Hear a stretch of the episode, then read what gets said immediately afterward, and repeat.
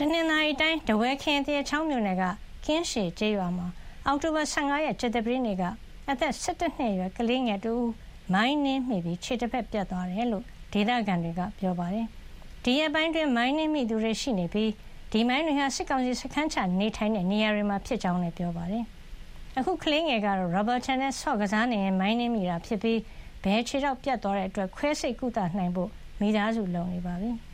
ကျေးရွာအုပ်စု39ခုရှိတဲ့တဲချောင်းမြို့နယ်ကဖျားစီတီကုန်းမှာ အာနာစသိန်းကလေးက စစ်ကောင်စီတပ်ဖွဲ့ဝင်တွေ စခန်းချနေထိုင်တာဖြစ်ပြီး မကြသေးခင်ကမှတက်ဖြန်ပြီးဆုတ်သွားတာ ဖြစ်ကြောင်းလည်း ဒေသခံတွေက ပြောပါတယ်။အခု ဒီဒေသတွေမှာ မိုင်းရှင်းလင်းရေး မလုပ်ရသေးတဲ့အတွက် စိုးရိမ်ရတယ်လို့လည်း ပြောပါတယ်။ပန်းတော်ရွာဘက်မှာလည်း စစ်ကောင်စီ စစ်ကြောင်းထိုးပြီး နောက်တည့်ဖြစ်တဲ့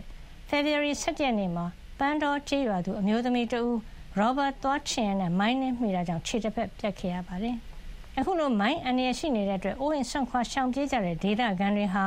တနင်္သာရီတိုင်းထဲမှာပဲ တိုက်ပွဲကင်းမယ်လို့ ယူဆရတဲ့ နေရာတွေမှာ ရွှေ့ပြောင်းနေထိုင်ရင်း အိမ်ကို မပြန်နိုင်ကြသေးပါဘူး။တော်လိုင်းတပ်ဖွဲ့တွေကတော့ ဒေသခံတွေဘုံခိုကျင်းတူးထားကြဖို့နဲ့ လေကြောင်းရန် သတိပေးချက်တွေကိုထုတ်ပြန်ပေးနေတာ ဖြစ်ပြီး မြေမြုပ်မိုင်း အန္တရာယ်ကို သတိထားဖို့လည်း နှိုးဆော်နေကြပါတယ်။